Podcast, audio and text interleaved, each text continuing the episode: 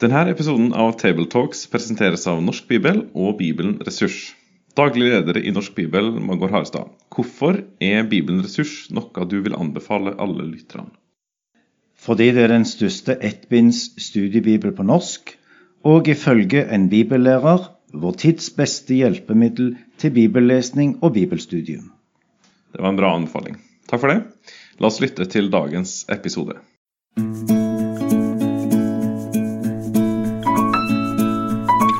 Velkommen til denne episoden av podkasten Tabletalks Søndagsteksten, som blir presentert av den kristne ressurssida foross.no.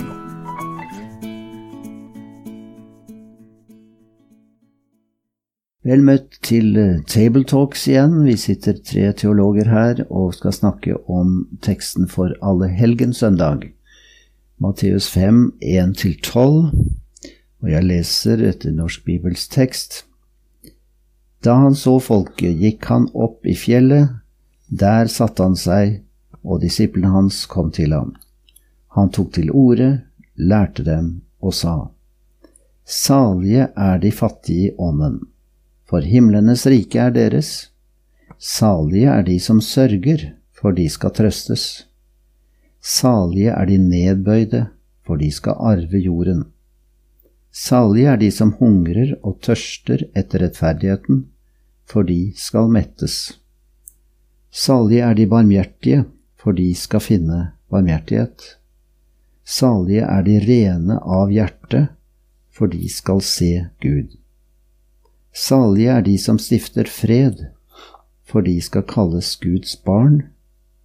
Salige er de som blir forfulgt for rettferdighets skyld, for himlenes rike er deres. Ja, salige er dere når de spotter og forfølger dere og lyver all slags ondt på dere for min skyld. Gled og fryd dere, for stor er den lønn dere har i himmelen, for slik forfulgte de profetene før dere. Får jeg bare sette det inn i en sammenheng, dette, at uh, vi er i Matteusevangeliet, i begynnelsen. Vi har møtt Jesus' første fremtreden, fristelse og mange ting, og så kommer bergprekenen fra kapittel 5 til og med 7. Og vi vet det er en av de mest berømte avsnittene i Bibelen. Og Matteus markerer det i måten han formulerer det på, at han så folket, gikk opp i fjellet, satte seg, disiplene kom til ham, og så står det i vers 2, han tok til orde, lærte dem og sa. Tre ledd understreker at nå kommer det noe viktig. Og hva er det for noe viktig Jesus sier, gode brødre? Jeg kom på en ja. tilleggsting til det du, du, sa der. For det står at hans disipler kom til ham. Ja. Det er innledningen av bergpreka. Avslutningen, der står det at folket var forundret over det han lærte dem. Så det er på en måte en indre sirkel av disipler som hører budskapet, men så siver det litt ut til de som eh, han har gått liksom ifra også. Så det er ikke sånn at bergpreka bare er til, til de som er den indre kjerne. Det er å lytte til for alle. Det var bare en digresjon. Ja, men det er viktig å legge merke til sånne småting. Og det er jo faktisk ni eh, saleprisninger vi får her. Det er som ni slag av kirkeklokken som vi er vant til fra kirkene våre. Og eh, Paulus snakker om åndens frukt, at det er også ni. Så jeg vet ikke om det er symbolikk i det, men det er i hvert fall tre ganger tre, og står dermed veldig eh, klart, vi kunne si malmklart og sterkt. Så her er viktige ting som skal sies, og likevel veldig mange tanker som peker i mange retninger. For det går jo igjen disse ni salige, men hvem som er salige, eh, der kom tekst på mange ting. Men kanskje vi først skulle spørre hverandre hva, hva betyr egentlig det å være salig? Hva, hva betyr det ordet? Ja, Det satt jeg og tenkte på også, at vi, vi kommer jo ikke utenom å, å, se litt på det ordet, for det er jo gjennomgangsordet her. Det er jo gjennomgangsordet. Kanskje vi også bør si noe om dagen. Det henger jo litt sammen med dem. For Det er allehelgensdagstekst, og fortsatt er det vel slik at en del steder så samles folk den dagen med blikk og tanke mot dem som har gått bort.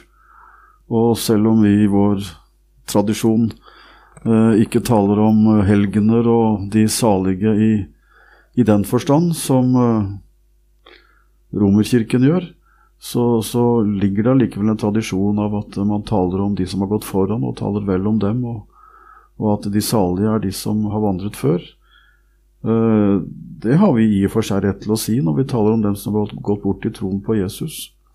Men uh, dette her er en preken til oss som lever, og det er det kanskje viktig også å understreke. Ja, for sånn at, det er jo skildret her de som lever, ikke sant, ikke sant? og lever dette her. Så ja. Betyr Også, det lykkelig? Man prøvde seg vel på å oversette bare det slik. Ja, det Blir ikke det litt tynt, da? Jeg syns òg det. Jeg syns vi mister noe der. Vi har ikke så godt ett dekkende ord. Av og til er det litt ålreit at Bibelen har noen ord som er dens egne. Ja. Uh, at ikke bare lar dem være like med et ord i samfunnet. Lykke hos oss det er veldig følelsesprega, da. Men salig det går mer på virkeligheten som en lever i, som jeg har tenkt. Du ser det i Det gamle testamentet også. Salig Eh, brukes i Salmenes bok, f.eks. Om en virkelighet som en lever i når man har rett med Gud. Og det kan jo være sånn som det står i sangen Alltid salig, om ei alltid glad. Det går an å ja, ha denne det rette, gode forholdet til Gud og god samvittighetspakt med Gud, og samtidig slite med ting i livet. da. For salig, Det er jo ikke sant som jeg antyda, at det salig ikke brukes i sekulær sammenheng, for det gjør jo det. Det, det hender jo man sa at han var rent salig, og da, da, da mener man med noe om at det var mer enn lykke. Det var liksom så Vedkommende var litt sånn henført og, ja. og, litt ekstatisk, kanskje. Så salig blir liksom lykke i en litt sånn høyere potens. Så det, det antyder i hvert fall at folk flest tenker at salig det er noe litt ekstra.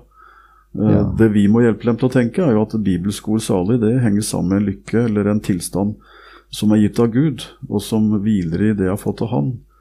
Sånn at saligheten, også slik som vi taler om den på Allehelgensdag og dagens tekst, den er ikke en målestokk på følelser, men det er en beskrivelse av en, en objektiv tilstand.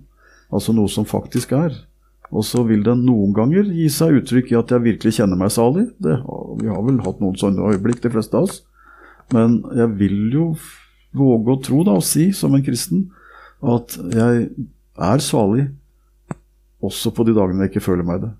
Og da tenker jeg at saligheten det er aller mest beskrivelse av en tilstand å være i.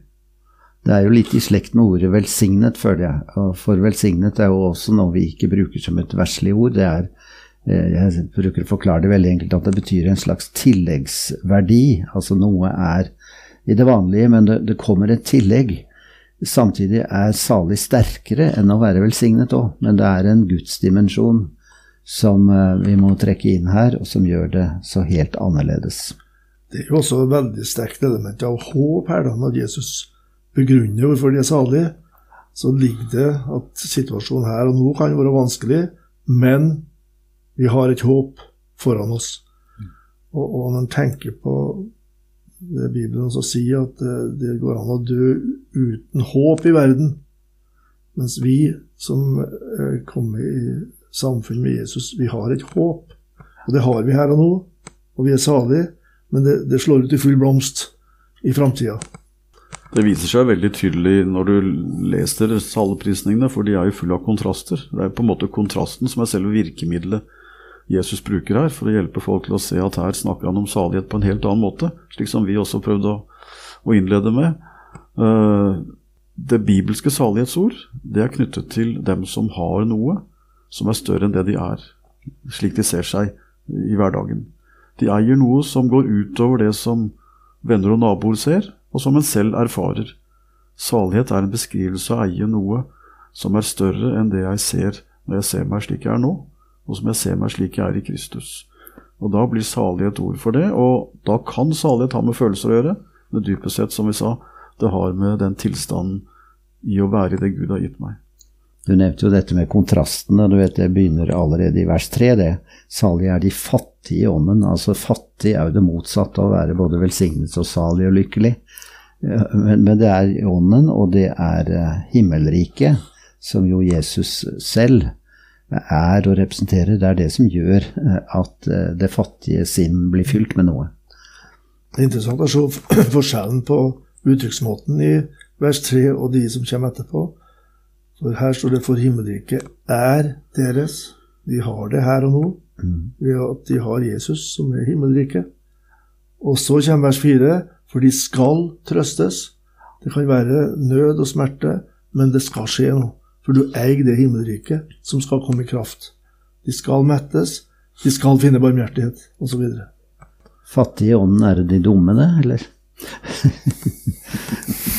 Får jeg bare, bare knytte ørlite grann til det Egil nettopp Ja, sa. ja. For hvis du ser på avslutningen, så sier Jesus i vers 10.: Salig er de som forfulgt for for rettferdighets skyld, for himmelriket er deres. Altså dette omringes av tilsigelse eh, om noe som faktisk er gitt, og så er de andre saligprisningene de henspiller på noe som jeg skal få under troens, under troens vandring, eller ved veis ende når jeg er framme. Men først så tilsier han oss himmelriket. Så vi skal vite at dette har vi, og på den basis så taler Jesus om hva det faktisk er å være en kristen. Men hva var det du sa, Asbjørn? Jeg avbrøt deg litt. Nei da, fattig i ånden. Det, Ja. det kan være lett å spøke med det, ikke sant. Det er de dumme og ressurssvake. Men, men hvem er det egentlig? Det er jo de ressurssvake, da, i én forstand. Når det angår mitt forhold til Gud, så har jeg ingenting å bidra med sjøl, da, for å si det på ja, den gamle måten. Så da er jeg ingenting, uh, i den forstand at jeg ikke har noen ting som Det er den åpne, tomme hånd som Den mottar hånd. frelsen. Ja, Jeg retter så tomme hender. ja. Da, da Luther var død, så fant de en lapp i, i eh, lomma hans der det sto 'Vi er tiggere, det er visst og sant'. Luther var ikke dum. Det du kan si mye om Luther, men han var ikke dum. Men han var en tigger. ja. Ja, Det var vel det siste han sa også muntlig, er det ikke det? Det siste? Det. Det var vel det han sa også da han døde. ja. Så det er verdt å ta med seg. Det er vel kanskje riktig at vi går inn på disse ni punktene her og, og legger dem litt ut. Da har vi snakket om fattig ånd og himmelriket. Ja. Dette med sørger. Er det bare sorgen over en død? Jeg hadde notert meg en henvisning en gang til Esekiel 9,4, til det der verset. Der står det at eh, Herren eh, sa til profeten at han skal gå gjennom byen, Jerusalem, og sette et tegn i pannen på de mennene som sukker og jamrer over alle de motbydelige ting som skjer der. Med andre ord, det er ikke bare sorg over oss selv, men det er sorg over tilstanden i verden. Eh, De som sørger over det, og ikke miste motet av det, men, men det er vondt å se syndens herjinger og djevelens makt. Og den sorgen, den skal vi bli trøstet for en gang. Det er jo løftet som gis her, da. Det er veldig viktig at vi taler om dette slik at det blir tydelig at Jesus taler til dem som, som hører han til, altså de som, de som har valgt å følge han. For det er ingen besk beskrivelse av åndsfattigdom i sin alminnelighet, eller sorg i sin alminnelighet, eller ydmykhet i sin alminnelighet. Da ville bergpreken bare være en moralsk oppstiver til eh, gode og dydige mennesker. Og den er jo noe helt annet. Det er en beskrivelse av dem som for Jesus skyld opplever det som man her beskriver. Så jeg tenker vers 11 er vel en nøkkel også til å sikre oss at vi, vi taler om at det som Jesus beskriver av nød, av, av lengsel, også av prøvelser, det er for Jesus skyld de er i den tilstanden. Det er fordi de hører Han til. Og derfor vil de ofte oppleve både fattigdom, og de vil oppleve uh, at de blir ydmyket. Kanskje at de ikke får alt de ville ha. Eh, Vi kan gjerne bla opp litt, skader ikke det, og lese Lukas 6 i sammenheng, hvor Jesus taler, og Lukas gjengir bergprekene litt annerledes, og det kan belyse hverandre litt. Så Jesus beskriver disiplene som for hans skyld er kommet i en tilstand hvor de ikke bare er rike, men hvor hele perspektivet snus. For hans skyld. Ja, og der er det jo også satt inn som en normal situasjon at vi opplever det du sier. For jeg tenker på i vers 11 så står det 'salige er dere når de spotter dere'. Altså det står ikke 'hvis'. dere blir spottet eller får oppleve det. Dere normalt som kristne får oppleve tøffe tider, og til og med blir baktalt og lyvet ondt på. Eh, men dere har trøsten i Kristus, og, og hele konklusjonen her er jo gled og fly, fryd dere. Men jeg skal ikke hoppe så fort fram. Men ned, Ja, er viktig. nedbøyd i vers 5, jeg tenker på Er det samme som ydmyk, ja? Saktmodig står det her. Saktmodig, ja.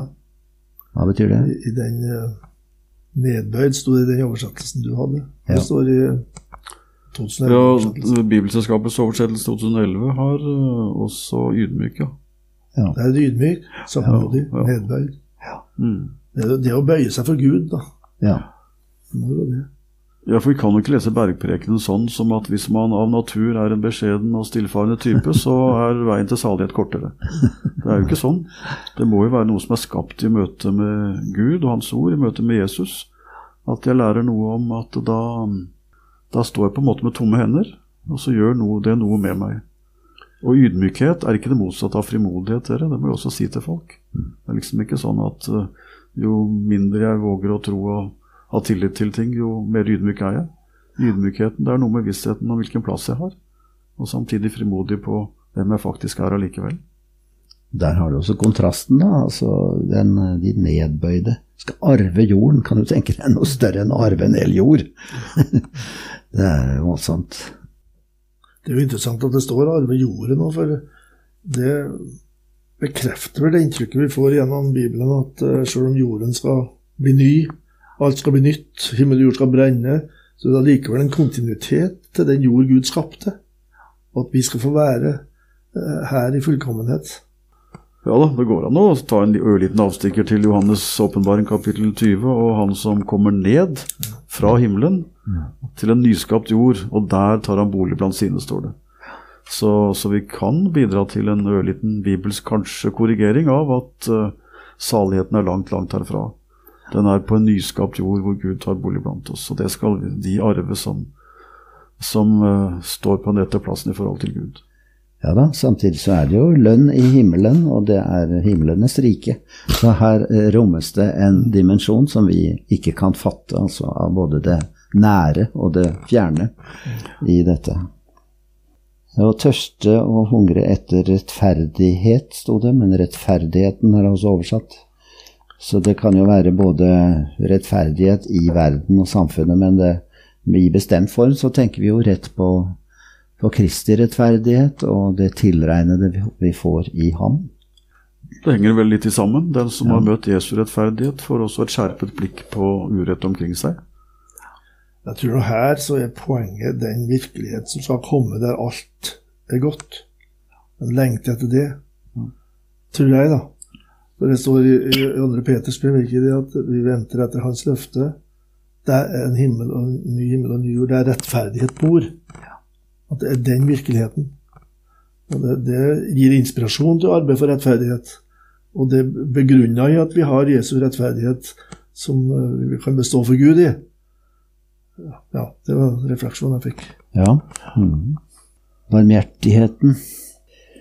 Eh, barmhjertighet er et ord som også er litt på vei ut, men det er eh, Du føler det har noe med hjertelag å gjøre, og i barmen, altså det er veldig personlige ord, så skal vi finne barmhjertighet. Vi strekker ikke til med å vise en sann og god barmhjertighet, noen av oss. Vi er ofte kalde. Men eh, vi får trøste oss i at vi finner barmhjertighet, da. I det som mangler hos oss. Mm. Det vel også noe som Gud har skapt. da. Ja. Så Jesus er jo den barmhjertige i egen person. da. Så når han eh, får plass i livet vårt, så, så kommer det noen ting av dette her, også hos oss. Ja. Jf. den teksten om dommen, da, der det står om forholdet til de som lider nød. og Ja, jeg satt også og tenkte på den uh, i Matteus 25 i dommen, hvor Jesus sitter på domstolen. For da er det jo noen som lett tenker at her, her dømmer han oss etter våre gjerninger. Eh, det tror ikke jeg. Eh, For øh, da ville det blitt veldig urettferdig overfor dem som ikke slapp inn. For de hadde helt sikkert gjort gode ålreite ting, som alle, alle mennesker gjør. Det som Jesus gjenkjenner i dommen i det kapittelet mot slutten av Mattesevangeliet, det er det som gjøres som Han gjør i oss. Altså frukten av troens liv. Uten meg kan dere intet gjøre, sier Jesus i Johannes 15. Og Det er jo jeg håper å si blank løgn, eh, hvis man tenker at eh, man ikke kan gjøre godt uten Jesus. Men det Jesus ser etter, det er de frukter av troen som ikke bare vitner om godhet, men som vitner om Han. Og det er det som er nøkkelen til å forstå bergprekenen, så langt jeg kan begripe. Nemlig at Jesus beskriver det som skapes i møte med Han. Altså Det er ikke den alminnelige godhet, den alminnelige barmhjertighet, den alminnelige ydmykhet som vi skal tale vel om. For den er også Guds gaver. Den er Guds skapergave til alle mennesker. Men det Jesus gjenkjenner her, det er det vi er blitt til i møte med Han. I frelsens husholdning. Det er sporene av sin gjerning i, Jesus, i våre liv som Jesus gjenkjenner, og som han beskriver som grunnlag for salighet. Derfor kom vi ikke utenom å forkynne evangeliet nå heller. Det er i møte med Jesus at denne virkeligheten opprettes i mitt liv. Og det er jo nesten enda viktigere å understreke i møte med vers 8. Rene av hjerte. Hvem har den renheten som kan stå innenfor Gud? Nei, det, det, må være snakk om den renselse som Jesus har gitt oss ved sitt blod, ved evangeliet. Da skal vi se Gud. Så mm, det, det må ikke forkynnes lovisk her, det er helt sikkert. Og Det er litt risikabelt nettopp på allehelgensdag, som vi sa innledningsvis. fordi da, da, sitter vi på en måte med både en eh, vilje og en forventning om at vi skal si gode ting om folk. Ikke minst den som har gått foran.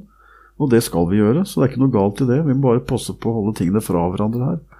For det som eh, vi gjerne kan gjøre på både allehelgensdag og ellers, når vi taler vel om dem som har gått foran, så er det en god sak. Men det Jesus taler med oss om her, det er våre liv, slik som de gjenspeiler det han gjør med oss. Og da må vi forkynne evangeliet på allehelgens dag. Ja, det er veldig viktig det du sier, Asbjørn, at vi må ikke forkynne lovisk. Men så er det også da et element av inspirasjon til gode gjerninger her, da. Som, som nettopp springer ut av at vi har med Jesus å gjøre. Så jeg, jeg tenker det der både barmhjertighet og fred, Stifte fred, da er ikke det står i vers 9, ja. det er noe som kjennetegner det nye livet. I studietida mi husker jeg det var ei bok som handla om kristen etikk, der det var brukt karakteristikken oppdragsetikk om kristen etikk. Altså Det er ikke først og fremst å si nei til ting, men først og fremst å se utfordringer som Gud plasserer meg inn i, og ønsker at jeg skal ta opp. Og det er utfordringer knytta til barmhjertighet i møte med de som trenger barmhjertighet, og stifte fred der det er konflikt. Så det er elementer av, av etikk i dette her, da. I det ja. nye, nye, livet som kommer til uttrykk hos resten av bergprekenen. Du vet, Oppdragsetikk det er et uttrykk jeg ikke har hørt så mye, men jeg tenker jo mye på dette at uh, han snakker til disiplene, og da har du læringssituasjonen. Altså Som disipler er vi i en livslang læretid, og vi skal um, Vi har sett forbilder i Jesus, vi skal utvirke det vi har lært, og vi skal leve i de idealene han har gitt oss. Uh, og det må ikke glippe her for oss, det da, altså. Både perspektivet oppdrag, elev, og vi kan trekke inn dette med å bære frukt, uh, som også henger sammen med et organisk samliv med Jesus. Stifte fred. En, en kristen kan ikke være en urobråkmaker, altså. Det, det, vi får noen klare idealer her, så noen lyspunkter å orientere oss ut fra. Samtidig som vi uh, må få Kristi nåde til å utvirke det i våre liv.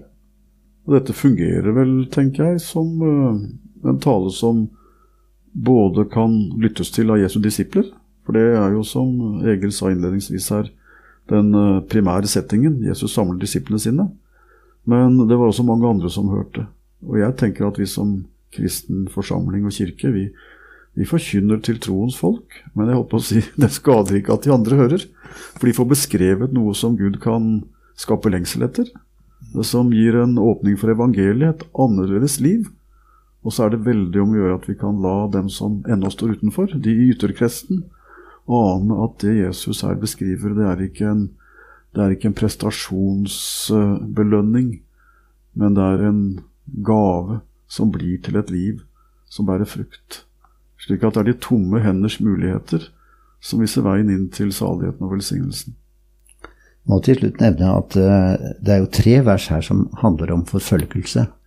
Likevel er det et aspekt som vi i vår norske virkelighet er litt fremmede for, samtidig som vi blir noenlunde godt orienterte om hva som skjer i verden, med de mange trossøsken eh, som blir forfulgt for sin tro. Hvordan skal vi preke om dette, tro? Det bør nevnes av og til. Jeg er blitt litt bedre til å nevne det etter hvert, fordi nå får vi så mye informasjon, vi som i hvert fall er åpen for det, om at det koster å være en kristen rundt om. Så vi bør si det litt. Så folk eh, både ber for dem som forfølges andre steder, og så skal vi si litt om at det kan kanskje koste litt etter hvert hos oss også. Og Det skader ikke å hente konkret informasjon og ta med seg på prekestolen. F.eks. fra Open Doors eller Stefanos-alliansen, som da kjenner hvordan det virkelig kan fungere i der virkelige forfølgelse. Ja, og da er tiden vår ute nå, så vi takker deg, Herre Jesus Kristus, for ditt ord, for din malmfulle tale, hva det har gjort i historien mellom ditt folk gjennom årene, det fatter vi ikke, men vi, vi takker for at vi får del i dette veldige budskapet om saligheten i deg, som venter oss en gang der fremme. Og får vi nåde til å forkynne, Herre, gi oss å bære dette fram på en måte som frigjør og trøster og gir nytt mot, og som peker på deg som vårt store og evige håp. Velsigne oss alle i ditt navn. Amen. Med det sier vi takk for følget for denne gang. Finn flere ressurser, og vær gjerne med å støtte oss på foross.no.